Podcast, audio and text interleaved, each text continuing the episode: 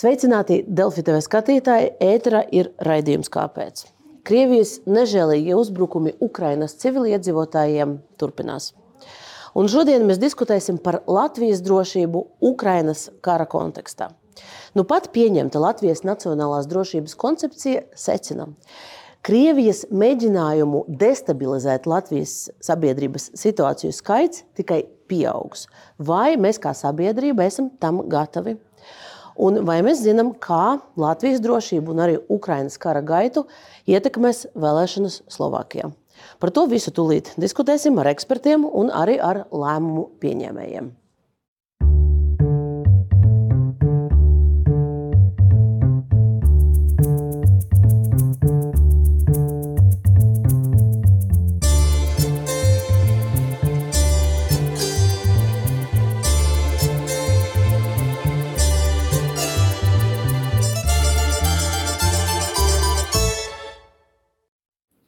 Un stādīšu priekšā studijas viesus.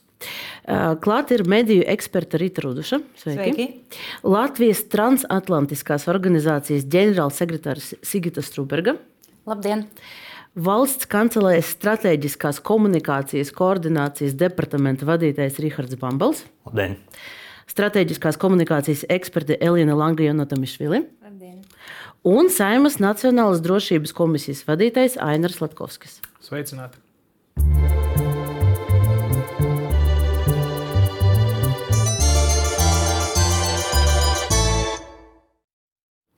Un sāksim ar pēdējiem notikumiem Eiropas politiskajā dzīvē. Slovākijas eh, vēlēšanās svētdien uzvarēs populistiskā un prokremliskā politiķa Roberta Fiko partija. Eh, es gribēju raidījuma sākumā īsi izrunāt, kādas tam varētu būt sekas, gan tūlītējās, gan, gan tālējošais. tālējošās. Un galvenais ir eh, atbalsts Ukrainai šajā karā, cik nozīmīgi varētu būt tas, ja tiešām Slovākija pārtrauks, eh, pārtrauks ieroču piegādes un cita veida palīdzību. Te ir jebkurš var izteikties, bet laikam Strunke kundzei pirmā, pirmā roka. Jā. Eh, paldies. Tātad, eh, manuprāt, šo var sadalīt divās daļās. Viens ir tas, ka acīm redzot, tas atbalsts mazināsies. Iespējams, arī militārais mēs jau dzirdam pirmos paziņojumus, kā sekas. Tā pašā laikā ir viena svarīga lieta, ko man liekas, ka vajadzētu atcerēties, ka principā Eiropā tie ieroču krājumi vairs nav tik lieli. Un, un tās iepriekšējās savukārt apņemšanās, viņas vairāk vai mazāk tik un tā būs jāizpilda. Ta, ta, tas, tas ir skaidrs. Tāpēc šādi, ša, teiksim, šo, šāda veida paziņojuma briesmas nebūtu jāuztver kā katastrofa, manuprāt. No otras puses, tā kopējā tendence tomēr liecina, ka nu, šīs nav vienīgās vēlēšanas, kas būs Eiropā, ja, un ka šīs jau ir zināmas sekas iedzīvotāju nogurumam, iedzīvotāju pretenzijām pret notik, noteiktām politikām, un ilgtermiņā, protams, tas spēlē par labu Krievijai. Uh, bet es domāju, ka tā trešā lieta, ko mēs tomēr redzēsim, būs uh, mēģinājumi no Eiropas komisijas uh, nu, teiksim, radīt zināmus spiedienus uz šāda veida valdībām, tomēr ievērot kopējo Eiropas kursu. Viens vēl aspekts, kas šajā nedēļā ir izskanējis, ka nu, iespējams ar, ar Slovākiju rietumu sabiedrotiem būs grūtāk varbūt dalīties ar izlūkdatiem, vai, vai, vai tas, šīs vēlēšanas varētu būt apdraudējums arī nu, NATO kā drošības sistēmai, ņemot vērā to, ka tas, šis, šis politiķis ir.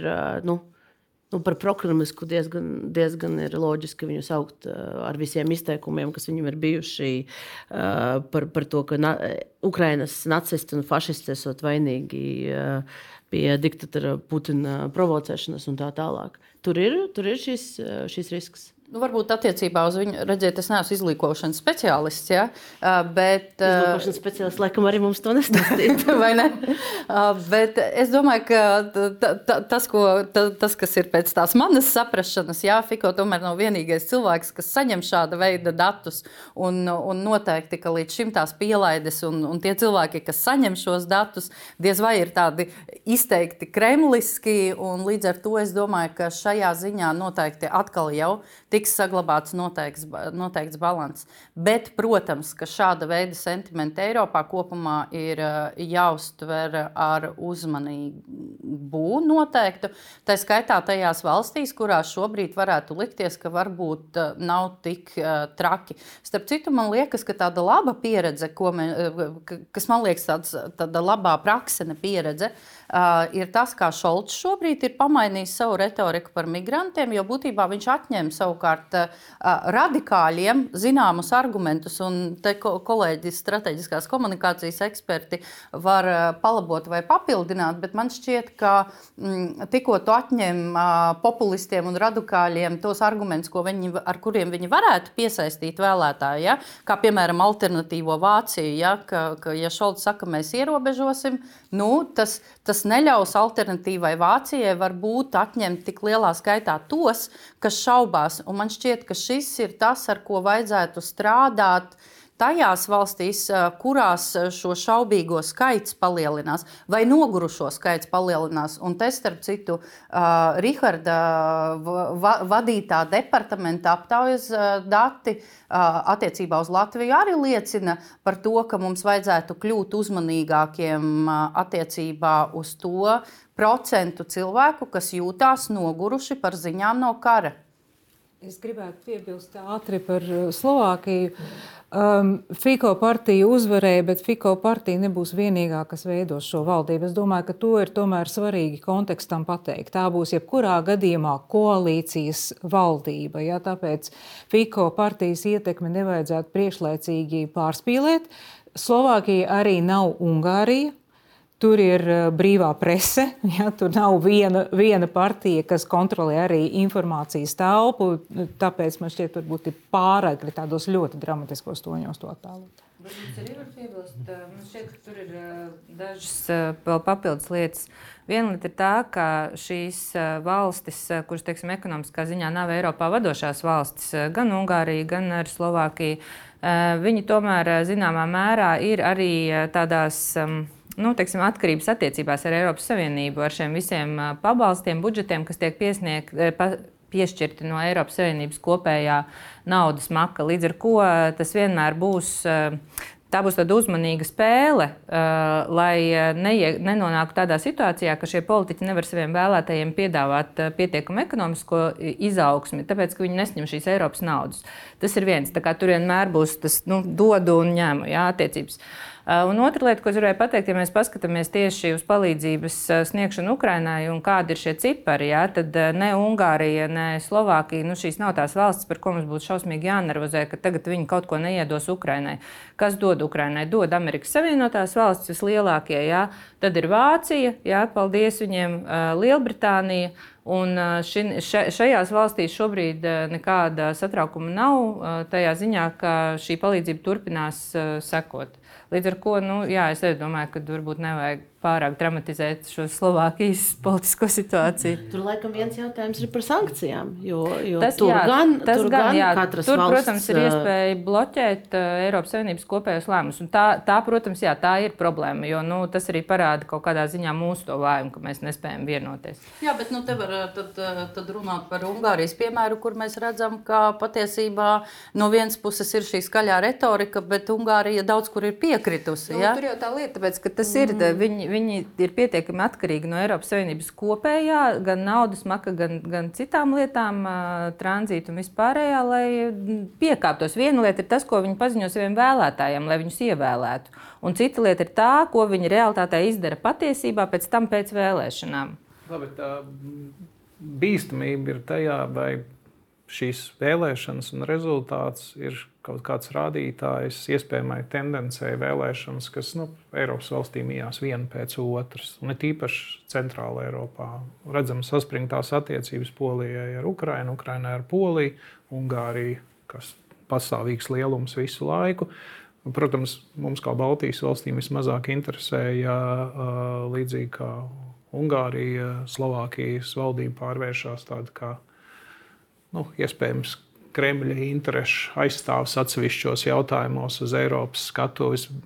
Bet um, svarīgi ir, jā, ka viņi atrodas līdzīgi kā Polija, Ungārija, turpat tiešā tūmā. Lai gan Slovākija, cik es saprotu, nav tādas minoritātes, uh, Ukrāņu vai, vai Slovāku minoritātes uh, Ukrajinā, kā tas ir Ungāriem. Kur tas vēl spēlē milzīgu lomu, vai poļiem, Ukrajinā, vai, vai Ukrāņiem, Polijā. Bet, uh, jā, ja tas ir skatāmies daļa no kaut kādas lielākas tendences, tad tas ir uztraucoši. Ja tas ir atsevišķs gadījums, tad, kā jau minēja eksperti, ir sava drošības ventīļa, kas pasargā no tā, lai Slovākija teiksim, izkrist ārā no kopējās drošības sistēmas un atbalstu Ukrainai.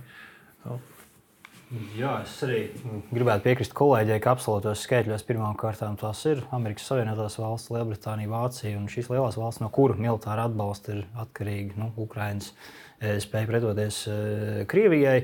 Tāpat tās eh, izmēros pēc ekonomikas, tās ir Baltijas valsts un Polija, kas sniedz vislielāko atbalstu atbilstoši mūsu ekonomikai. Mēs neplānojam samazināt kaut kādā mērā. Mēs joprojām esam, manuprāt, visos līmeņos starp pirmrindniekiem atbalsta sniegšanā. To var redzēt gan politiskos paziņojumos, gan reālos darbos uz vietas. Ukraiņas karoga plīvo pie visām ēkām, atšķirībā no lielas daļas Rietumē, Eiropas, varbūt tās galvaspilsētas. Tas ir viens. Otrs, manuprāt, nevajadzētu, līdzīgi kā nevajadzētu pārvērtēt Slovākijas lomu atbalsta sniegšanā Ukraiņai, nevajadzētu arī pārvērtēt kaut kādu Krievijas lomu, ka viņi tur ļoti iejaucās Slovākijas vēlēšanās un kaut ko ļoti pēdējā brīdī pasakot vai izdarot, eh, kaut kā ļoti mainīja to, kas tur eh, notikās. Jo ļoti daudz tās dezinformācijas un informatīvā telpā, ko ir novērojuši eksperti no malas, bija nu, iekšpolitiskais process un kaut kas, kas tur eh, notikās jau nu, pat ne mēnesi vai trīs mēnešus pirms vēlēšanām, bet jau, nu, arī jau pusgadu pirms bija šādi signāli, ka tas tā varētu attīstīties. Bet uh, mēs esam gatavi kā valsts, jo ja mēs redzam, ka tagad, uh, nu, kaim, nu, ne kaimiņos, bet nu, nosacīt mūsu reģionā, tad notiek uh, šo dziļo, dziļo feiku ietekme vēlēšanās. Latvijā mēs to vēl neesam novērojuši tādā apjomā, bet uh, mēs esam gatavi tam, ka tas aizies arī līdz Latvijai, piemēram, uz Eiropas parlamentu vēlēšanām, kas, kas ir aiz stūra. Absolūti. Tas ir šī doma, ka mums jābūt gataviem pastāvīgi pretstāvēt tam, ko Krievija, Baltkrievija, cita autoritāra režīma varētu mēģināt mūsu virzienā virzīt, informatīvā telpā vai kaut kādus citus hibrīdos spiedienus, hibrīdās karadarbības spiedienus, kibertelpā, migrantu plūsmu spiešanu uz mūsu robežām un citu. Tas ir bijis visu laiku viss mūsu politikas plānošanas procesā, pamatā, principā. Jā, mēs gribam Ukraiņas uzvaru, e, tik atbalstīt tik ilgi, cik nepieciešams, bet tas tik ilgi, cik būs nepieciešams, var nebūt arī gluži rītdien, ne pēc nedēļas, ne pēc mēneša. Tas var būt arī gadi, kas nozīmē, ka mums tam ir jābūt gatavam. Un e, mūsu e, nu, koncepcija, kas ir arī vēl pirms Nacionālās drošības koncepcijas, koncepcija informatīvās telpas drošībai, ko valdība apstiprināja gada sākumā tieši paredz ko, konkrēts pasākums, ko mēs gribam piecu gadu laikā darīt, lai mēs spētu gan kā valsts, gan kā sabiedrība visi kopā pretstāvēt šīm informācijas un ietekmes operācijām e, ilgtermiņā. Bet kāds ir mūsu valstiskais plāns e, attiecībā uz, uz, uz, uz tiem deepfakiem, kur, kā mēs jau redzējām, nu, tiešām var imitēt e, konkrētā cilvēka teikto vai nu, pat, pat video formātā, ja tīpaši audio. Uh, tur ir kaut kādi specifiski mehānismi, kas mums jau uz galda atvilknē stāv. Brīdī, kad parādās kaut kas līdzīgs, uh, kā piemēram šajās vēlēšanās, viens no piemēriem ir, ka lūk, uh, viens no, no nu, pat uzvarējušo, politiķu konkurentiem esot it kā teicis, ka sola paaugstināt cenu alumu. Nu, tā nebija patiesība, bet nu, cilvēkus tas iespējams ir ietekmējis. Mums ir konkrēts algoritms, kā mēs darām. Jo atspēkot katru sīkumu, kā mēs tagad zinām, ir diezgan grūti. Ne? ne tikai grūti, bet bieži vien tas arī pievērš papildus uzmanību šim te, ko iespējams citkārt nemaz nepamanīt, kas palika tikai kaut kādā īsā burbulī. Atspēkot katru lietu noteikti nevajag, un, un, un tā tiek rūpīgi izvērtēta tā rīcība. Bet eh, pamata stratēģija ir veidot noturību jau priekšā eh, preventīvi eh, sabiedrības līmenī, spēju atpazīt šādas manipulatīvas metodes. Pat tad, ja mums ir arvien vairāk cilvēku e, migrē prom no tradicionālajiem mēdījiem, sociālo mediju platformām, uz TikTokiem, Telegramiem, arī tad e, ieslēgt e, smadzenes un, un spēt salīdzināt to, ko redz TikTokā vai Telegramā ar nu, respektablu kvalitīvu žurnālistiku un, un, un autoritātēm žurnālistikā. Nu, tas viens no pamatrefleksiem, kam būtu jāieslēdzas. Bet jums ir mērījumi par to, cik, kāda ir tā noturība, cik, cik labi tiešām Latvijas iedzīvotāji spēj atpazīt šāda tipa viltojumus? Deepfakes ne, mēs neesam mērījuši socioloģiski, bet noturība spēt atpazīt. Principā pašvērtējums ir apmēram ap 60% pēdējās aptaujās. Bet cik tas pašvērtējums atbilst reālajai situācijai? Jo ir bijis arī pētījums par to, kur uh, es kādreiz pirms gadiem, varbūt četriem, man šķiet, uh, veica, kur uh, pašvērtējums bija augsts, un kad tiem pašiem cilvēkiem, tiem pašiem respondentiem uh, deva vienu viltus ziņu un vienu, vienu patiesu ziņu salīdzināt, tad uzreiz tas procents, reālais procents bija krietni zemāks. Jā, jā, tieši tā. Un tā ir tas, tas galvenais izaicinājums ar šiem mērījumiem. Ka Man... būtībā tas ir tā subjektīvā uztvere, kas neataino galīgi tās mm. prasmes. Un vēl interesanti pie, pie šiem pētījumiem piebilst, ka e, interesanti ir, ka vecākā paudze saka, ka tie jaunieši neko nesaprot, un jaunie saka, ka nu, tie vecie tur sociālajos medijos neko nesaprot, bet mēs jau saprotam. Man šeit ir divi aspekti. Viens ir tas, ka šie viltojumi, teiksim, audio vai video, e, pirmkārt, viņi e, visbiežāk tiks parādīti publikai tādās nu, mm, sasteigtās vai emocionāli sakāpinātās situācijās. Līdz ar to šādā situācijā nu, arī neviens no šeit klātesošiem tas nebūs pirmai, pirmā atbilde, tagad ieslēgt šo kritisko domāšanu, un tam līdzīgi pirmā būs emocionālā reakcija. Ja? Un, ja tas notrāpīs pa pareizajām pogām, tad arī būs lielāka iespējamība, ka mēs noticam. Bet otra lieta ir uh, tīri ekrāns, jo šie viltojumi, ja, viņi nav vēl tik labā kvalitātē, lai viņus varētu masveidā tagad mums gāzt virsū, un viņi ir tik labi, ka mēs nespējam pateikt, vai tā ir taisnība vai nē. Viņiem tomēr ir tehniskas problēmas, gan audio, gan video, ka mēs varam to pateikt. Bet, ja mēs to skatāmies uz lielā ekrāna, ja mēs to skatāmies telefonā, tad šī iespējamība ir daudz, daudz mazāka. Viņš tiešām izskatās pietiekami ticams. Tā kā tā bīstamība tur tomēr ir diezgan liela. Un ko mums ar to darīt? Ja mums ir, mums ir galvenais cilvēks atbildīgais par strateģisko komunikāciju valstī pēc būtības, un, un cilvēks, kas saimā atbild par, par, par drošību, par valsts drošību. Un te, te, un te es gribu ekspertiem prasīt, ko, ko mēs no viņiem tagad varam sagaidīt. Vai, vai, mums, vai mums ir kaut kas valstī negatīvs, varbūt ne līdz galam izplānots, neeksistējošs, ko mēs varam likt priekšā un prasīt, lūk, kad būs. Bet redziet, tas jau nav tikai par valsti, jo uh, tā problēma ir tā, ka parasti šī visa viltotā informācija, kur izplatās galvenokārt ne jau Latvijas televīzijā, viņa izplatās uh, sociālajos tīklos. Un, uh, tas ir tas neatrisinātais jautājums līdz galam joprojām. Jo, protams, šīs sociālo mediju platformas uh, visi lielie tehnoloģiju giganti, jā, viņi iziet uz kaut kādu dialogu, kas manā skatījumā ir vairāk viņu pašu nu, kaut kāda reputācijas spodrināšanas mēģinājums, ja pēc eh, visām problēmām, kas bijušas ar dažādām vēlēšanām dažādās valstīs. Bet tajā pašā laikā tā reālā sadarbība, un šeit eh, Bānvelkungs varbūt tur konkrētāk pakomentē, tā reālā sadarbība arī mūsu pieredzē, arī NATO strateģiskā komunikācijas centra pieredzē, nav nemaz tik efektīva. Viņi sola, ka viņi ņems nost šos viltojumus vai cīnīsies ar viņiem vai bloķēs šos kontus, bet realitātē nu, nav tā, ka viņi to ļoti labi izpilda un reāli šajā ieguldās. Mm. Un tur ir tā problēma, teiksim, Latvijas valsts, jā, nu, mēs, mēs varam kaut ko darīt, bet nu, tas ir arī tāds Eiropas Savienības eh, līmeņa lēmums. Jā, nu, te absolūti jāpiekrīt, jo, jo piemēram, tas pats YouTube, nu, principā, jā, nesadarbojas un, un, un, un, un, un, un tur brīnumi, brīnumi.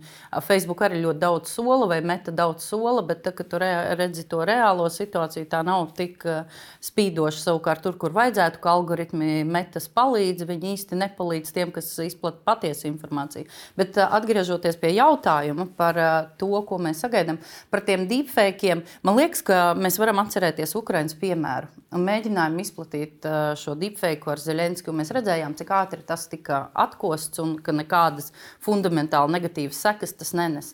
Tas, kas man liekas, ko mēs tiešām vairāk gaidām, un es, es arī novēroju tādu ievērojumu uzsāktu darbu gan, gan strateģiskās komunikācijas departamentā, gan reku kolēģi šobrīd aktīvi strādā ar simulācijas spēlēm un tā tālāk.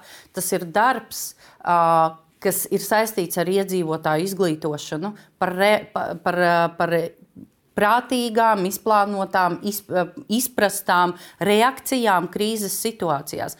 Pamata uzsvars līdz šim, tā kā tas darbs bija jāsāk, mēs redzējām, ka pamata uzsvars bija uz bruņoto spēku apmācību, tad bija mums pašvaldību apmācība, valsts pārvaldes iestāžu. Atkal var jautāt, cik efektīvi, vai, piemēram, valsts pārvaldu iestāžu darbinieki un pašvaldību darbinieki beidzot ir iemācījušies nomainīt paroles saulēcīgi, ja? piemēram. Bet tagad tas uzsvars, ko tiešām ļoti gribētos redzēt, ir darbs ar individiem, protams, sākot ar nevalstiskajām organizācijām, ko mēs jau redzam, bet tam darbam ir jābūt tālāk tiem skaidr, mehānismiem skaidriem, lai cilvēki apzinātos ne tikai to, ka vajag sagaidīt, ka, ka Rihards kaut ko izdarīs vai vēl kāds kaut ko izdarīs, bet ka tiešām ka katram ir šī atbildība. Un tas ir tas, kas mūsu valstī trūkst. Jo, manu, manuprāt, pamatā visi skatās, gaidot, nu, ka reku kāds atrisinās manā vietā, pateiks, kas man jādara pēdējā brīdī, vai vēl labāk izdarīs manā vietā pēdējā brīdī.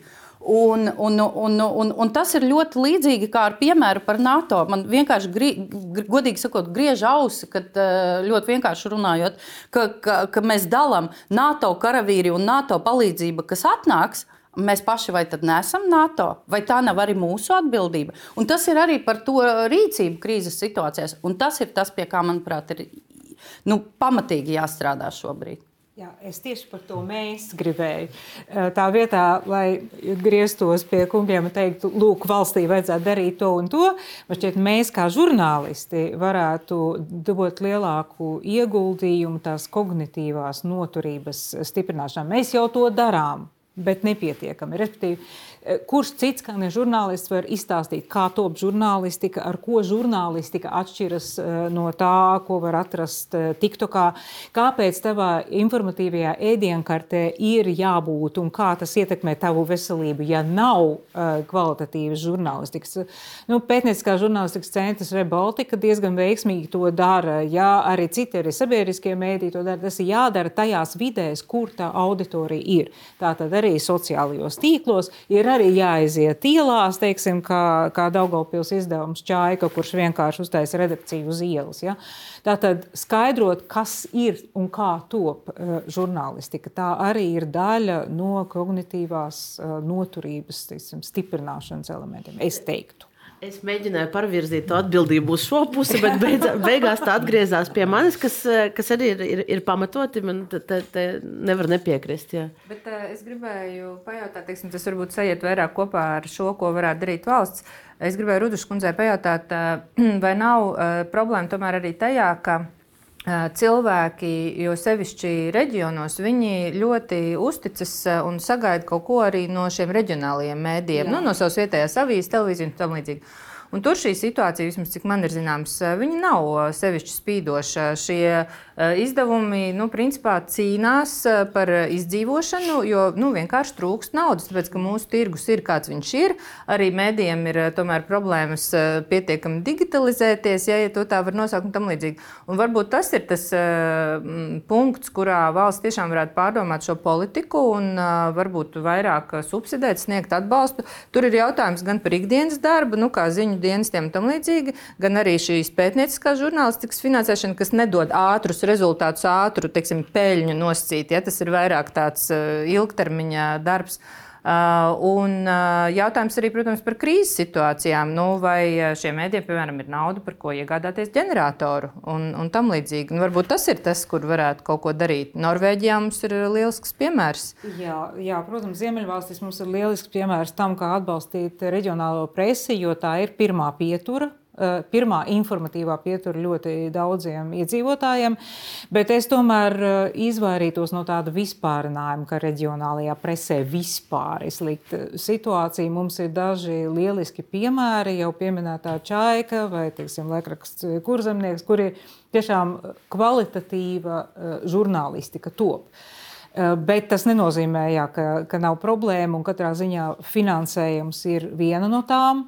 Bet otra, es visu laiku to atbildību arī uz mums pārvirzu. Ja? Restīvi, mums, kā žurnālistiem, ieskaitot arī reģionālo presi, ir jāmācās un arī jāstrādā vairāk uz to auditoriju, kas varbūt nelasa vairs fizisku laikrakstu. Tas nozīmē, ka ir jāmainās, ir jāstrādā multiplatformu režīmā, un ar šo ir patiešām uh, problēmas, ja? jo vienkārši tā auditorija noveco.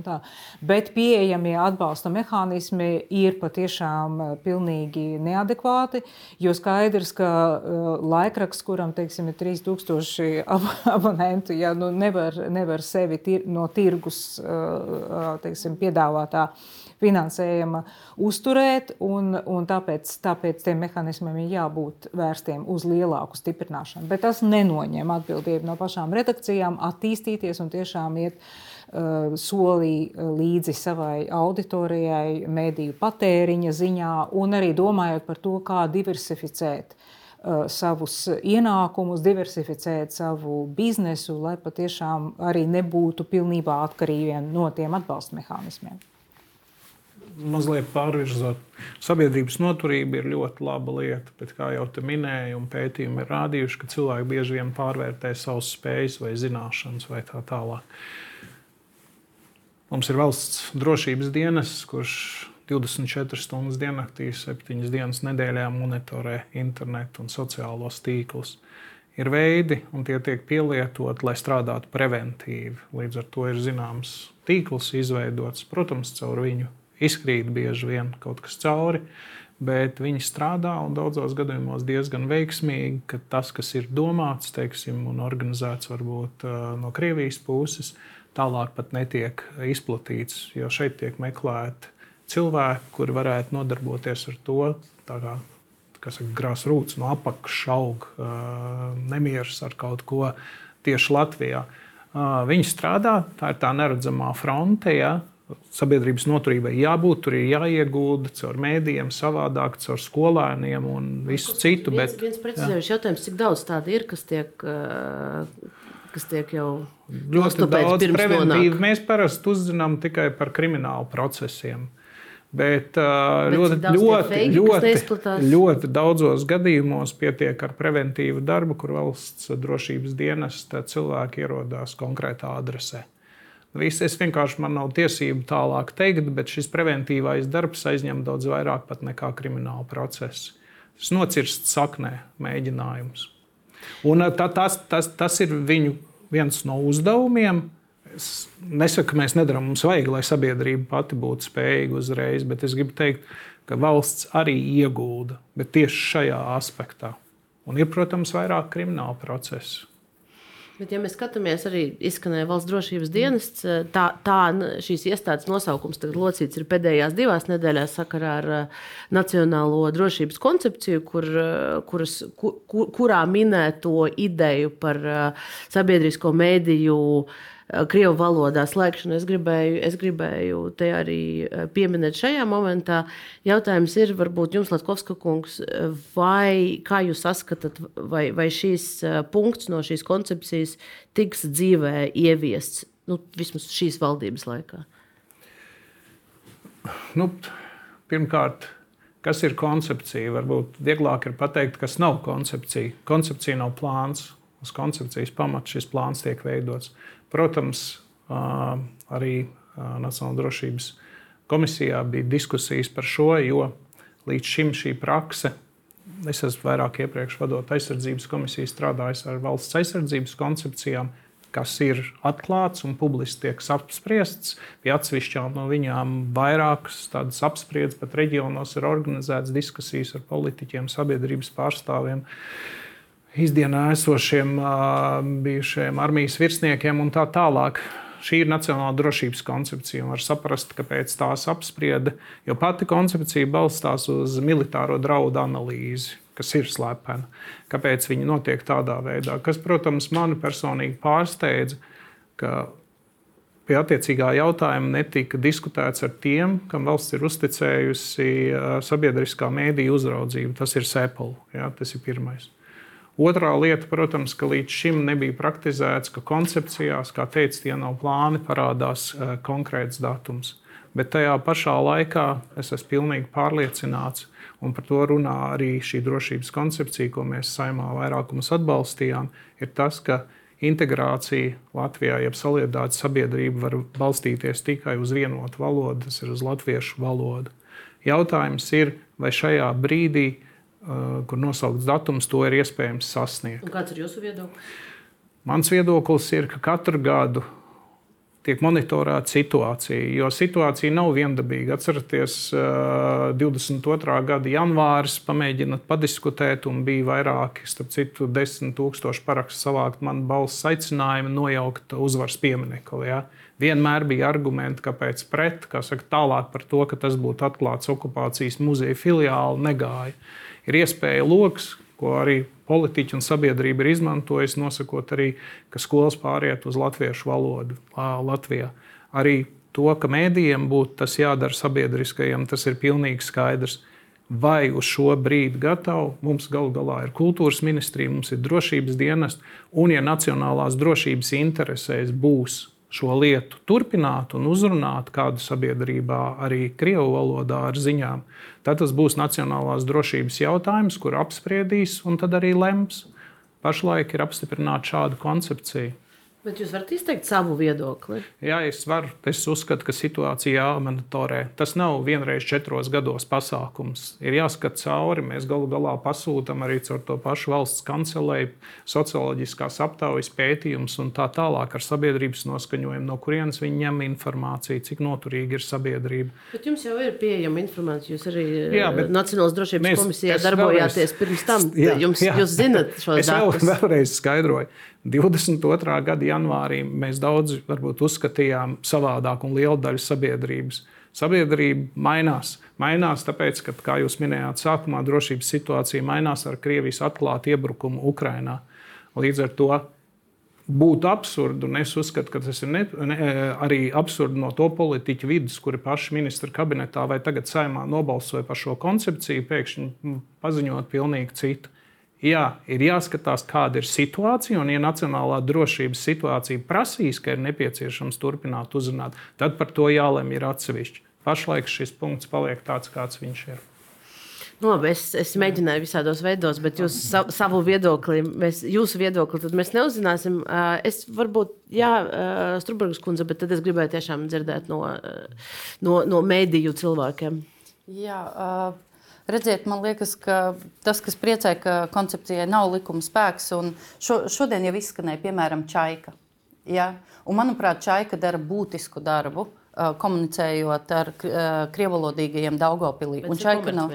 Jā, bet uh, tas nav vi, vi, vienīgais jā, uh, mēdījis, un, un savukārt, kas attiecās uz, uz uh, vienkārši čaikas piemērs, ir tas, cik būtisku darbu viņi dara tur reģionā, bet kas attiecās uz uh, valsts uh, finansētiem mēdījiem Krievijas valodā.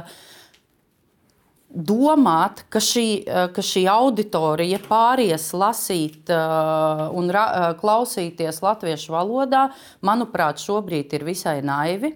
Un ja vien mēs varam saglabāt šīs uh, auditorijas uzmanību uh, pie mēdījiem, kas ir lojāli šai valstī, tas ir labākais, ko mēs šobrīd varam darīt. Un man nevisai izprotams, uh, izprotama ir pozīcija, ka šie mēdīji, ka, uh, publiskie mēdīji, kas vēsta Krievu valodā, dzīvo pilnīgi atšķirīgā informācijas telpā. Man šķiet, ka tas uh, ir vismaz manā subjektīvā skatījumā, aplams apgalvojums. Jā, tur reflektē varbūt atšķirīgas intereses, bet man liekas, ka tikpat labi var pie, pateikt ļoti primitīvu piemēru, ka tie, kas skatās sporta ziņas, nevienmēr skatās laika ziņas. Vai tas nozīmē, ka viņi dzīvo atšķirīgās informācijas telpās, pilnīgi atšķirīgās? Ja? Tāpēc, man, manuprāt, sasteigt šo procesu varbūt pienāks brīdis, ka tiešām nevajadzēs. Bet šobrīd sasteigt šo procesu. Uh, radīt papildus spriedzi sabiedrībā, un, un šī koncepcija ar šo konkrēto punktu, ar šo konkrēto datumu ir radījusi papildus spriedzi, papildus jautājumus. Vai tiešām tas ir mūsu mērķis šobrīd? Drīkst īsu vēsturisku ieskatu. Eh, šī problēma vispār ir fosilizējusies par, par, par informācijas patēriņu, jo tā ir ļoti, ļoti, ļoti uh, senas jau saknes. Vēl pirms Krīmas aneksijas, uh, es tolaik strādāju Latvijas televīzijā, mēs katru nedēļu plānošanas sapulcēs skatījāmies uz reitingiem. Pirmais Baltijas kanāls bija top trīniekā. Vienmēr. Vienmēr. Un tad, kad uh, paskatījāmies uz uh, kāda ir valoda ģimenē, un kurš šo, šo, šo kanālu lieto. Bija arī, protams, latviešu skatītāji, bet, bet pārsvarā tie, kam, kam valoda mājās bija krievu. Un ar šiem datiem Latvijas televīzija bija aizgājusi citur uz, uz saimu. Bet pirms Krimas aneksijas mēs izlikāmies to neredzam. Uh, Pēc Krimas aneksijas tātad parādījās LTV septiņi daži ziņu un informatīvie raidījumi, kvalitatīvi, kas pakļaujas tieši tam pašam sabiedriskajam pasūtījumam, tieši tam pašām redakcionālajām vadlīnijām, kas attiec uz visu uz sabiedrisko televīziju. Ja? Un, un sāka strādāt šādā režīmā, pēc tam patinam filmu uz priekšu, un tas pārtapa par Rusijas M multimediju platformu. Uh, Tagad ir lūk, šāda koncepcija. Koncepcija, protams, nav plāns, koncepcija nav arī likums. Bet jautājums ir par to, kā mēs runāsim ar šo sabiedrības daļu. Mēs dabiski virzāmies uz to, eh, un tas ir ļoti labi, ka mēs virzāmies uz to, ka mums ir vienota informatīva telpa, kuras pamatā ir, ir latviešu valoda. Bet joprojām ir kaut kāds demogrāfiskais segments, kas nepatērē tos, tos mēdījus. Kā mēs nodrošinām? Un uz šo jautājumu, kā Es neesmu sadzirdējusi pēdējās divās nedēļās, kad mums ir eh, notikušas diskusijas ap šo drošības koncepciju, bet kā mēs runāsim? Labi, jo problēma jau nepazudīs. Problēma jau nepazudīs, tāpēc ka patiešām tā ir ļoti, ļoti garas kājas jau. Un par to mums vajadzētu eh, domāt. Es saprotu, ka, ka, ka varbūt kaut, kaut kur šādas domas jau, jau tiek domātas, bet, eh, bet publiski tas nav izdiskutēts un vajadzētu. Tāpēc, mums ir jāsaprot, kā mēs ar šo, de, šo sabiedrības daļu runājam. Bet viens no, viens no, viena no idejām, kas pēdējās, pēdējās divās nedēļās skan, ir ok, mums, nav, mums ir jāpiegādā informācija tiem, kas tiešām nesaprot, bet mums nav jāuztur visādas vesela redakcija nodrošinām tulkojumu panorāmai, un lūk, visa informācija tiek piegādāta. Vai, vai jūs varat izskaidrot, es redzu, ka, jūs, ka šī ideja jūs, jūsos ne, neatrod eh, pozitīvas emocijas. Jautājums, kāpēc? Kas, kur tur ir problēma? Ja problēma tiešām ir, nu, ka nesaprot uh, valodu, nu, tad lūdzu. Uh, valoda jau nav vienīgais jautājums. Tomēr tas, kā patērē informāciju, ir svarīgi. Un uh, mērķa auditorija, šis jēdziens, kas ir varbūt tāds jēdziens, kas ir saprotams vairāk uh, mēdīju iekšienē, mēģināšu paskaidrot, ko tas nozīmē. Tie mērķa auditorija veidojošie parametri, tātad, kā viņi uztver informāciju, kas, kas ir viņu preferences, kā ar viņiem runāt, kādā veidā tiek pasniegts saturs.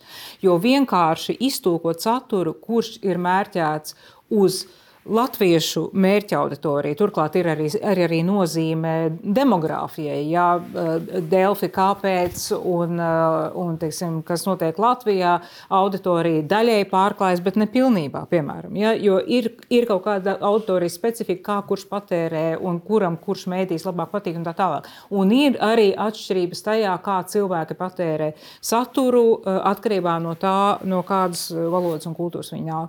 Tāpēc vienkārši mehāniskā tulkošana, kāpēc kādreiz neizdzīvoja Krievijas valodā izno, iznākošais laikraksts diena. Tāpēc, ka tas lielākoties bija viens pret vienu kopijas no latviešu satura, un tas vienkārši tā nestrādā. Un tad ir jautājums, kāda ir mūsu valstiskā stratēģija, kas, kas top brīvības, brīvības ielas mājā?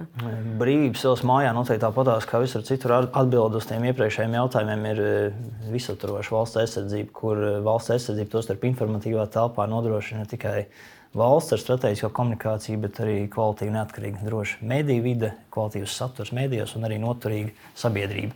Atgriežoties pie drošības koncepcijas arī ar mums neskaņoja. Ja tā pavisam nopietni, bet ļoti. Jūs sagaidiet, ka ar jums saskaņos? Ja? Nu, mēs būtu varbūt gribējuši redzēt, bet daudz pasāžu, protams, šajā koncepcijā ir jau no valdība apstiprināts mūsu izstrādātas valsts strateģiskās komunikācijas informatīvās telpas drošības koncepcijas. Un šo koncepciju, ko valdība apstiprināja jau janvārī, mums arī nācās nu, gatavot gan arī gadu, un saskaņošanas process bija ļoti ilgs.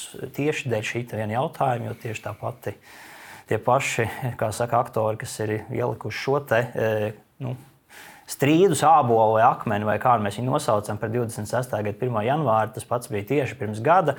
Iemesls, kādēļ mūsu koncepcija apstiprināja teiksim, vairākus mēnešus vēlāk, e, nekā to nu, varēja īstenībā sākotnēji izdarīt.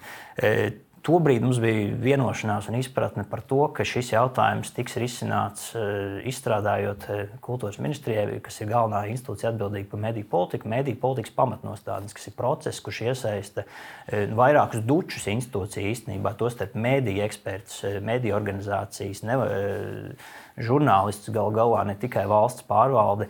Un eh, tādēļ mēs, protams, bijām pārsteigti, ka šis eh, jautājums ir eh, nu, pacelts atkal teikt, steigā pēdējā brīdī. Bet jā, īsā atbilde uz, uz jautājumu, es domāju, mums ir jāiet un jāapzinās visiem, ka mēs ejam valstī uz vienotu ne tikai informatīvo telpu, bet arī mediju telpu latviešu valodā. Jautājums ir, kādā termiņā. Šobrīd karš diktē to loģiku e, un kara turpināšanās, un tostarp e, sapratni, ka tas karš varētu nebeigties arī nākamā mēnesī, bet iespējams iet ilgto gadus. Tas diktē loģiku turpināt jau minēto argumentu dēļ, nodrošināt saturu, kvalitīvu saturu Krievijas valodā, e, mēdījos, tostarp sabiedriskajos mēdījos. Un tam būtu jābūt ar ļoti rūpīgu stratēģiju, kā virzīt ne tikai krievu auditorijas uz uh, latviešu valodas mēdīju saturu, bet arī latviešu, mēdī, mēdī, uh, latviešu auditorijas noturēt tradicionālajā mediju vidē, nevis ka viņi aizplūst prom uz TikTok, uz Telegram, uz citiem sociālo mediju platformām. Tas ir jau daudz eh, strateģiskāks process, kas jāizstrādā jau pieminētā digitalizācija, maksas sienas, kā panākt, ka reģionos problēma, tās problēmas, kas cilvēkiem ir, eh, atspoguļojās gan nacionālajās mēdījos, gan arī vietējie reģionālajie mēdīji to visu dara. Tā ir tāda jau plašāka, strateģiskāka pieeja, kas nepieciešams, lai gan latvieši, gan mazākumtautības gribētu patērēt to saturu latviešu valodā. Jā, kā noturēt sabiedrību tajā sabiedriskā labuma žurnālistikas telpā vispār, visu sabiedrību? Un, ja, un, laikam, ja mēs runājam par, par karu Ukrajinā kā tematu, tad atkal sākumā mēs minējām, ka jūsu pētījumi parāda, ka šis, šis nogurums no šīs informācijas, jūs arī to redzat uh, savos novērojumos. Mēs, diemžēl, to redzam. Mēs jautājam tieši arī ļoti šādu specifisku jautājumu starp daudziem citiem, vai jūs esat noguris no ziņām par karu. Tas, diemžēl, ir uzaudzis no vienas piektās daļas sabiedrības pagājušā gada nogalē, decembrī līdz 56% šī gada jūlijā. Tā pašā laikā e, es gribu pateikt arī turpinājumu tam visam, proti, atbalsts Ukrainai joprojām ir ļoti augsts. To mēs redzam nu, ne tikai socioloģijā, mēs to redzam arī visos ziedojumos, atbalstā, vis, visās pārējās aktivitātēs. Mēdīņu telpā, mēs, ko mēs monitorējam ļoti cieši tradicionālos sociālos mēdījus, mēs arī redzam, ka žurnālisti cenšas gan komercmediji, privātā sektorā, gan sabiedriskie mediji. Ziņas no frontes līnijas tiek ļoti kvalitīvas gatavotas katru dienu, pienāk. Bet nu, arī cilvēki, diemžēl, no šīm ziņām nogūst. Tas nenozīmē, ka viņi atslābst atbalstā Ukrainai, bet eh, ir, nu, mums visiem jādomā, kā to kā mobilizēt sabiedrību atbalstam Ukrainai ilgtermiņā. Bet mums ir rīki, kā cīnīties ar, ar telegramu kanāliem, un, un, un tiktokiem un, un, un, un pārējiem avotiem ar, ar apšaubāmu informāciju. Es saprotu, ka tā Krievijas ietekme arī caur, caur turieni nāk. Tā, tā, ir, tā ir viena no frontēm, kur Krievija strādā, lai iefiltrētos mūsu, mūsu informatīvajā telpā arvien vairāk. Nu, mēs arī veicām pētījumu piemēram, par Baltņūzu, ja, kas tika aizslēgts, aizliegts Baltijas valstīs dēļ šīs tiešās sasaistes ar Kremli. un šīs dezinformācijas un propagandas izplatīšanu, nu, Baltņūs, kā mēs redzējām, ļoti veiksmīgi darbojās tieši Telegramā un tieši ar kara sākumu viņu auditorija. Tur es vairs neatceros, trīskāršojās, četrkāršojās. Nu, ļoti strauji tas notika dažu mēnešu laikā. Tad, protams, skaidrs ir tas, ka, ja cilvēkiem nav kur saņemt šo informāciju, ko viņi vēlas saņemt, viņi, viņi meklēs citur un atradīs. Uh, Te ir divas lietas, kas jau izskanēja. Tad viens ir tas, ko minēja Latvijas kungs par to, ka attiecīgie drošības dienesti tādus nopietnu veidu apdraudējumus un sistemātiskas organizētas darbības arī šajos tīklos monitorē, cenšas izķert un, un, un laicīgi jau apturēt. Bet otra lieta ir tas, ko minēja Rudušas kundze, Ruberts kundze par to, ka ir jādomā, kādā veidā šis nu, teiksim, tā, tradicionālo mēdīju saturs, kā viņš nonāk šajos sociālajos tīklos, eh, tādā formātā, kas ir eh, aicinošs, saistošs, interesants. Un, ja mēs runājam tieši par Latviju, tad, manuprāt, eh, viena no tām problēmām, ko mēs arī dažādos pētījumos, datos redzam, ir tas, ka, piemēram, ja es dzīvoju uh, Daugopilī, Eh, Latvijā. Ja? Nu, kāpēc man ir jāskatās eh, stundu kaut kāds raidījums eh, televīzijā, pat ja viņš ir krievu valodā, bet ja viņš nestāsta par to, kas notiek man apkārt? Nu, tas ir tas saturs, ko tie cilvēki vēlas. Un tad šeit eh, teiksim, eh, ir nu, tas jautājums, kādā veidā, pie tam tagad, pateicoties sociālajiem tīkliem un mobiliem telefoniem, tas nemaz nav dārgi veidot šo saturu. Kāpēc mēs nevaram strādāt, piemēram, ar cilvēkiem, ko mēs varētu, nu, kā latviešu to sauc, ietekmekļi, ja? Mhm. influenceri? Nu, vienkārši no sabiedrības vidus ir pilns ar ļoti foršiem, jauniem, pat netik jauniem cilvēkiem, kuri ir gatavi šo saturu ražot vietēju, ja, interesantu. Un kāpēc šie teiksim, tradicionālie mēdīji nevar šo sadarbību veidot ciešāku ja, un, un tādā veidā to auditoriju piesaistīt un, un noturēt? Nu, tur, tur, man liekas, tās tās divas lietas, par ko būtu jādomā. Es tikai gribētu iebilst, šķiet, ka nevajag, nu, mēdījiem, kas ir kvalitatīvi mēdīji, sadarboties ar ietekmekļiem, vajadzētu ļoti piesardzīgi. Eh, bet tas nenozīmē, ka mēdījiem nevajadzētu eh, strādāt sociālajos tīklos un trīskārt piesauktā čaika, piemēram, eh, piemēram Telegramā. Ļoti veiksmīgi darbojas, ja pašiem mēdījiem ir jāattīsta spējas strādāt ļoti veiksmīgi un radīt attraktīvu saturu. Un vietējā satura spēks ir tāds nenovērtēta maigā vara. Tāpēc, ka tev tomēr tu gribi zināt to, kas notiek tavā ielā, tavā pagastā, tavā pilsētā. Tā tālāk. Citu šī pilsonistiskā žurnālistika, Jā. tas ir jau ļoti vecs koncepts. Ja? Un uh, otra lieta ir tā, ka, kā mums arī tagad uh, stāsta mūsu kaimiņi, Igauni, arī Lietuvieši un tam līdzīgi, nu, visiem ir problēmas bijušas arī tradicionālajos mēdījos ar to, ka ir žurnālisti, kur izrādās ir iefiltrējušies, uh, ir patiesībā aģenti, vēl kaut kas. Nu, man šķiet, ka no šī, šīs problēmas mēs nekur neizbēgsim. Ja? Nav jau tā, ka tagad viss mēdīja drošības dienests pārbauda katru žurnālistu. Tā tas nav un tā tam arī nevajadzētu būt. Bet, eh, bet teiksim, nu, tas, ka šie ietekmekļi, tā saucamie, ka viņi ir, jā, un kad ar viņiem var strādāt, nu, tas ir simts procenti. Vienkārši jautājums ir, nu, kāpēc tas nenotiek? Vai tā ir kaut kāda. Ko, mentāli kaut kāda kultūras problēma, ka nevar pārkāpt un, un sākt šo jauno soli.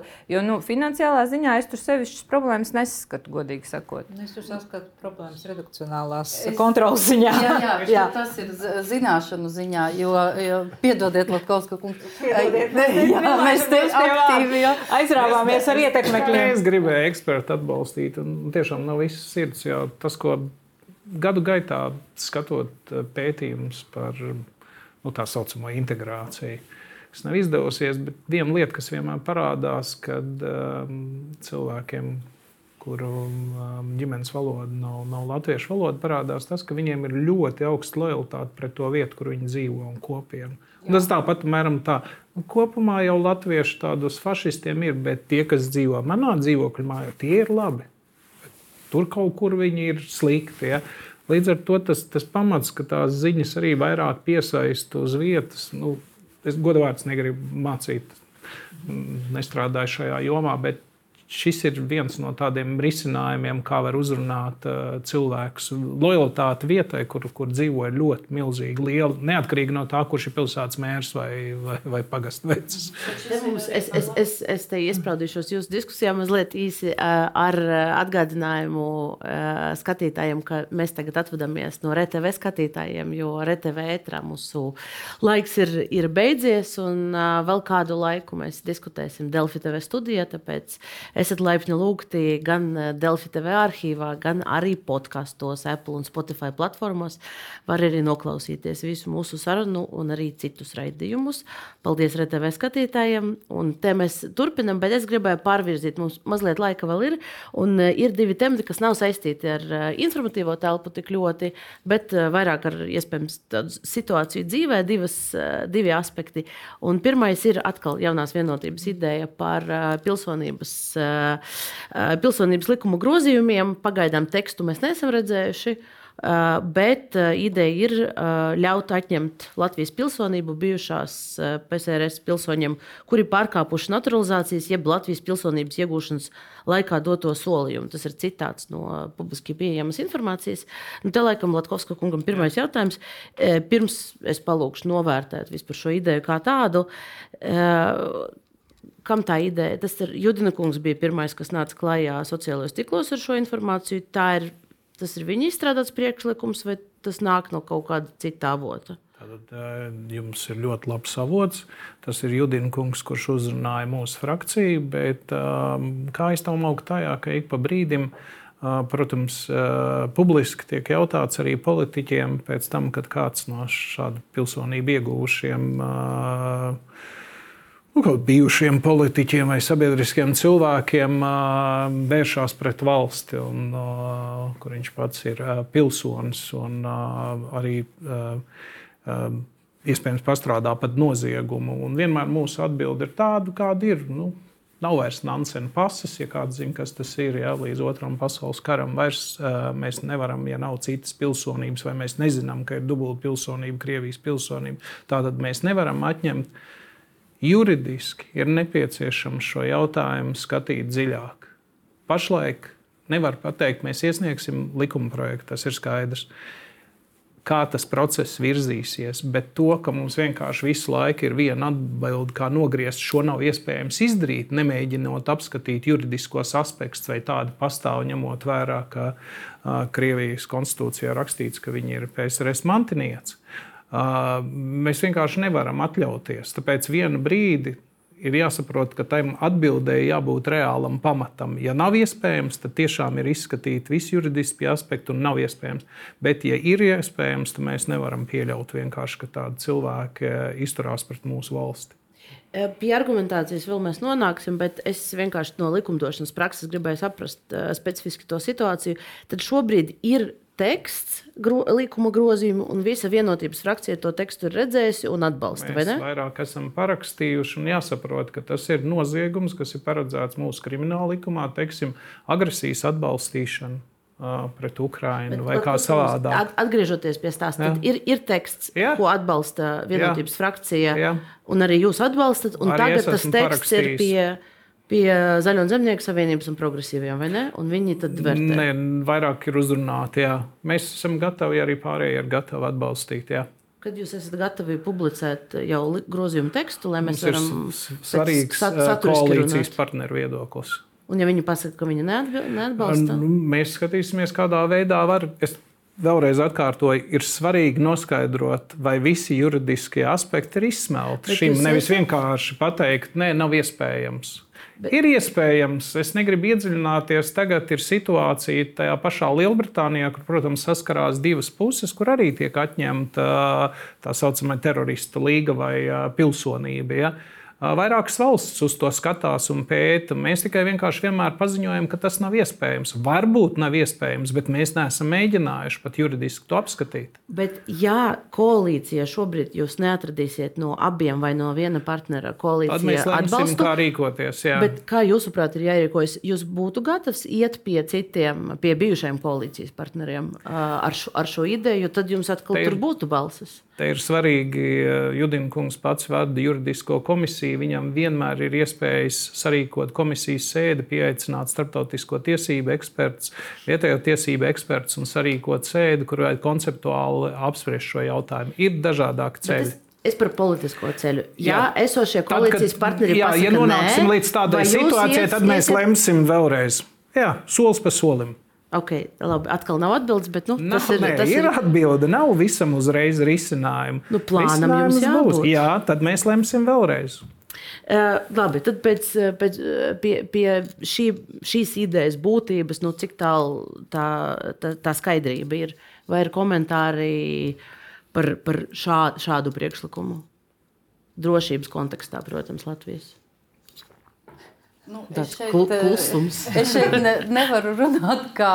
kā pirmkārt, noteikti tad, tad es runāšu kā privātpersona no, ar savu subjektīvo viedokli. Un, uh, es šajās dienās ļoti uzmanīgi, burtiski vakar, šorīt no rīta klausījos, uh, ko saka juristi, jo ar juristu es neesmu. Ja?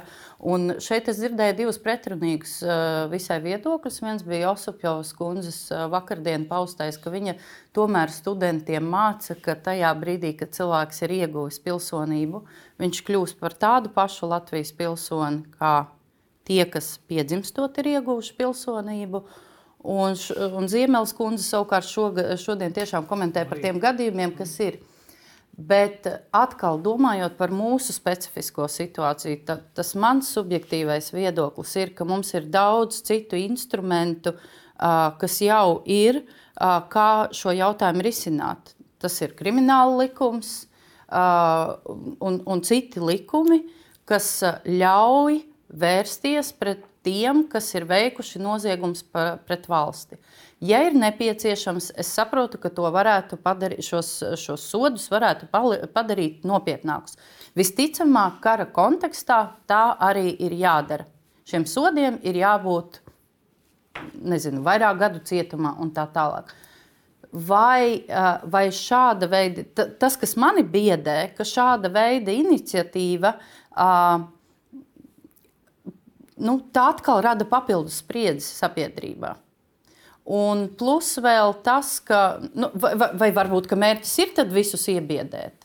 Un, un, nu, šis ir tāds iespējams retorisks jautājums, bet man liekas, ka ir citi instrumenti, kā panākt to pašu rezultātu, neradot šo papildus spriedzi, neradot riskus ar to, ka, ka daži, kas ir vairāk nacionālistiski noskaņoti, tagad, eh, piedodiet, sāks eh, drošības dienestu apkraut ar kaudzi ziņojumu par tiem, kas viņiem liekas nepietiekami lojāli vai iespējams kaut kā ne tā uh, izteikušies. Tāpēc man liekas, ka ir citi mehānismi, kā šo var atrisināt, un ka nav nepieciešams šāds papildus. Uh, Superstingrs solis, bet uh, iespējams, ka, ka, ka manā rīcībā nav to īpašo datu par šiem uh, nepilsoņiem, kas ir uh, atbildīgu amatpersonu rīcībā. Tur ir pamatā īpašie dati. Nav runa par kādu ziņojumu vai kā savādāk. Pamatam jābūt uh, ierosinātam, uzsāktam un tā tālāk krimināla procesam, ar vien- iespējams novadītam līdz tiesas lēmumam. Tas nav vienkārši ziņojums vai kaut kāda sūdzība. Tur nav iemesla nevienam baidīties, bet mums pietiek, es nesaukšu šos vārdus, uzvārdus, kuriem būtu pamats atņemt Latvijas pilsonību. Ja tikai juridiski tas būtu iespējams, šāds veids, kādu piedāvā Judina kungs. Un uh, Judina kungs, kurš, kuram grūti būs pārmest nacionālismu, uz šo skatās tīri juridiski. Un starptautiskās uh, tiesvedības arī valsts ir gatava tam. Tā tad vēlreiz, tieši tāpēc mēs parasti vienmēr esam kā nazi nogriezuši. Arī es uz jautājumiem, ko man jautā, vairs nav iespējams kopš 60. gadiem šis. Nē, izrādās vairākas valstis tieši ar terorismu draudiem, ar draudiem savai drošībai šo jautājumu ir skatījušās detalizētāk un sāk parādīties lēmumi šajās valstīs. Mēs nevaram tajā pašā laikā uh, pateikt, ka nē, mūs tas neinteresē. Mums arī ir, un es kā teicu, ceļi ir vairāki. Ja mūsu partneri nebūs gatavi parakstīt šādu likuma projektu, ir iespējas sarīkot komisijas sēdi, kur aicināt šos Ziemeļs kundzi, Osipovs kundzi, citus ekspertus runāt par to un skatīties, vai mēs varam iet tālāk. Vai mēs nevaram, vai tur arī tas apstājās. Es nevaru pateikt, nav tā, ka ir skaidrs risinājums pilnīgi tagad, bet pateikt vienkārši mūs tas neinteresē, mēs nevaram. Bet šis ir tāds teorētisks jautājums. Mēs nezinām, par kurām personāliem iet runa, bet uh, ir runa.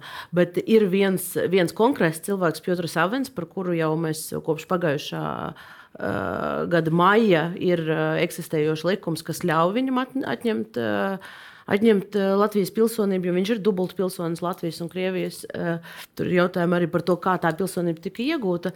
Un te ir jautājums, vai jūs, kā, kā, kā komisijas priekšsēdētājs, šo uh, mēģināsiet noskaidrot, cikā, kas, kas tur notiek. Jo es... viss apstājās pie, pie drošības dienas. Tūmu. Jā, es saprotu, ka pēc uh, sankciju uh, sarakstā nokļūšanas. Nemaldos, viens no drošības dienestiem ir sācis pārbaudi. Visticamāk, kad pārbaude būs pabeigta, tas jau netiks iepazīstināts tikai atbildīgās amatpersonas, bet visticamāk arī sabiedrība uzzinās šīs pārbaudas rezultātus nu, ja ne sīkāk, tad vismaz tos lēmumus attiecībā uz to. Un noteikti būs pārbauda pabeigt arī Nacionāla drošības komisija savā slēgtā sēdē to uzklausīs. Nu, no malas skatoties, sabiedrībai laikam nav saprotams, kāpēc tik ilgi mēs, mēs šo pārbaudu gaidām, šos rezultātus, jo nu, tie fakti ir daudziem zināmi jau publiski arī. Varu tikai piekrist. Labi. Pirms mēs atvadāmies, viena, viena pēdējā epizode, kas arī šonadēļ ir izskanējusi, ko es gribēju ar jums apspriest un, un dzirdēt, dzirdēt viedokļus, ir bijušā saimnes deputāta Vičslava Dabrovska gadījums, kur viņš Kirgistānā gandrīz tika aizturēts pēc Krievijas pieprasījuma, tika nogādāts atpakaļ Latvijā. Uh, un te, uh, nu, tas galvenais jautājums ir, cik piesardzīgiem Latvijas iedzīvotājiem vispār visiem būtu jābūt, dodoties uz uh, NVS valstīm, ne, ne, ne tikai uz Krieviju un Baltkrieviju, bet uz, uz cik plašu cilvēku loku vispār šīs brīdinājums attiecas. Varbūt jums ir uh, vīzija par šo? Nu, man šķiet, ka uh, tas, kas, tas, ko cilvēki parasti nesaprot, par ko es viņus aicinātu padomāt, ir, ka cilvēkam šķiet, ka es esmu tāds mazs dieva kukainis, es nevienam neinteresēju. Ja? Un, nu, es taču mierīgi varu braukt uz Baltkrieviju pie savas vecmāmas, nu, jo tas ir laukos un ko tad tur. Bet tas, kas ir jāsaprot, ka pirmkārt vienmēr vajadzētu padomāt, kas ir mūsu gan radinieku, gan draugu, gan pat paziņu lokā. Uh, kur šie cilvēki strādā, ar ko viņi nodarbojas. Jo mēs katrs varam kļūt par šo posmu, kā piekļūt tam, kurš varbūt ir eh, tiešām nozīmīgā vietā vai kam ir nozīmīga informācija. Un uh, caur mums, mūs nostādot uh, gan kompromitējošā situācijā, gan šantažējot, gan arī vienkārši pieslēdzoties mūsu telefonam, jo tas ir par to arī runāja CERT pārstāvji šonadēļ vienkārši šķērsojot robežu, pieslēdzoties šiem tīkliem, jā, ir signāls par to, ka mēs esam iebraukuši un mūsu telefonam ir jau iespējams uh, mēģināt piekļūt. Jā. Tā kā mēs katrs varam kļūt par šo mērķi, un ir arī pieredze tātad ne tikai ar valsts amatpersonām. Nu, atcerēsimies stāstu par Krievijā arestēto lidostu arestēto basketbolistu, jā, nu, sportista, uh, kurš tad gaidīja. Bet pēc tam tātad šos, uh, nu, teiksim, tā saucam tos par parastiem civiliedzīvotājiem, viņš pēc tam arī var izmantot gan šantāžai, gan spiedienam, gan dažādiem maiņas darījumiem ko, piemēram, Krievija vēlas panākt. Un uh, uzturēt kaut kādas ilūzijas, ka šajās NVS valstīs uh, jau padomju laikā izveidotais, jau pat, pat ātrāk izveidotais šis tīkls, ietekmes tīkls, uh, jā, ka viņš nedarbojas. Nu, protams, ka viņš darbojas. Jā. Uh, un, un uz, uz tām lietām jāstāsta nopietni. Tāpēc es noteikti ieteiktu klausīt šim aicinājumam, un, ja tiešām nav akūtas nepieciešamības, tad nu, izvairīties no šo valstu apmeklēšanas. Bet tas attiecas ne tikai uz acīm redzami Krieviju un Baltkrieviju, bet arī uz Armēniju, Azerbaidžānu, Kazahstānu, Kirgistānu, Moldovu, Tadžikistānu un, un, un Uzbekistānu. Varbūt tas ir visas NVS valstis, izņemot Protams, Krieviju, katrā atsevišķā gadījumā, un īpaši saistīts ar valsts un pašvaldību amatpersonām, vienmēr pieejami drošību dienestu konsultācijām par šo. Viņi sniegs precīzu konsultāciju, kāda veida apdraudējums ir. Bet es tiešām uh, sabiedrību aicinu. Šis ir bīstami. Šis ir bīstami. Nepietiek ar to vien, ka tu esi bijis uh, ministrs un, un, un saimnes deputāts kādam Brauska gadījumā, un ka tā ir Kirgistāna un tas ir uh, Eiropas projekts. Ja. Šis ir ļoti bīstami, tāpēc ka tās metodes, ko izmanto drošības dienesti Krievijā, Baltkrievijā, ir, uh, nu, ir tādas, kur uh, pasaulē arī atšķirās. Ja ķīnieši strādā ļoti lēnām un uzmanīgi un ilglaicīgi pie tev, tad uh, Krievijā pietiks ar vienu inscenētu avāriju, lai tev būtu dažas minūtes izšķirties par to, vai tu sēdēsi ilgāku laiku cietumā, vai tu ziņosi par brāļa gaitām robežsardzē. Uh, vienkārši. Katrs tiek monitorēts, katra izdevība tiek izmantot no šo valstu puses. Doties pašlaik uz Krieviju un Baltkrieviju, ja nu vien jūs neesat diplomāts, ir bīstami. Nu, Krievija, Baltkrievija ir skaidrs. Jā, bet ir, arī- mēs arī to- paplašinām nu... šo bīstamības līmeni uz visām tām nosauktajām valstīm.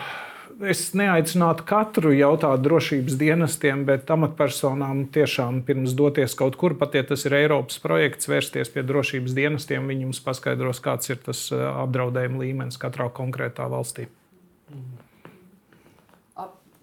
Es tikai varētu piebilst, eh, ja jautā, ka mums, mums ir pie tā, ko Lankas kundze teica, ka vēl bez šī vienmēr ir jāatcerās, ka uh, slepenajiem dienestiem vislielāko informācijas apjomu, lai kā mums arī uh, iluzori liktos, ka tas ir saistīts ar superslepenām darbībām un superslepenās informācijas ie, iegūšanu.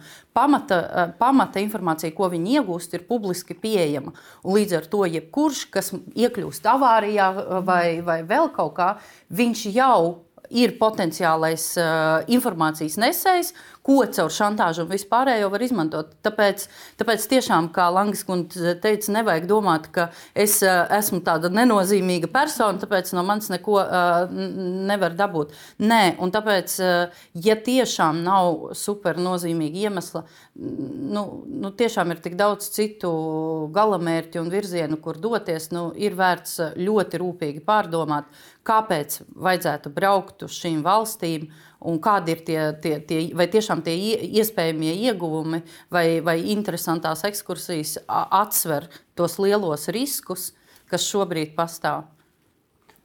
Jā, es vēl aicinātu, protams, iepazīties arī ārlietu ministriju, publicēt ceļojumu brīdinājumus par nu, īstenībā ļoti plašu valstu loku, jau gan visām jūsu nosauktajām, gan citām. Arī reģistrēties eh, konsulārajā eh, departamentā, respektīvi, lai valsts vismaz zinātu, ka jūs esat tajā valstī X, Y vai Z. Un trešais, protams, atkārtošu to pašu, ko teica kolēģi, Krievija, Baltkrievija aicināt nedoties. Jo ne tikai no jūsu ģimenes drošība varētu būt apdraudēta, arī gal galā jūs varētu tikt izmantots gal kaut kādiem propagandas un dezinformācijas nolūkiem, lai pasniegtu mūsu valsti ļoti nelabvēlīgā gaismā. Un tā ka tas var it kā jūs it kā nenozīmīgs, varētu kļūt par ļoti, ļoti publisku personu. Tādā gaismā, kādu jūs par sevi nesat iedomājies. Nu, ar, tādiem, ar tādiem brīdinājumu vārdiem uh, mums, mums tad arī jānoslēdz šīs raidījums. Paldies, uh, paldies visiem dalībniekiem un dalībniecēm. Un uh, ar skatītājiem mēs tiekamies pēc nedēļas. Vislabāk!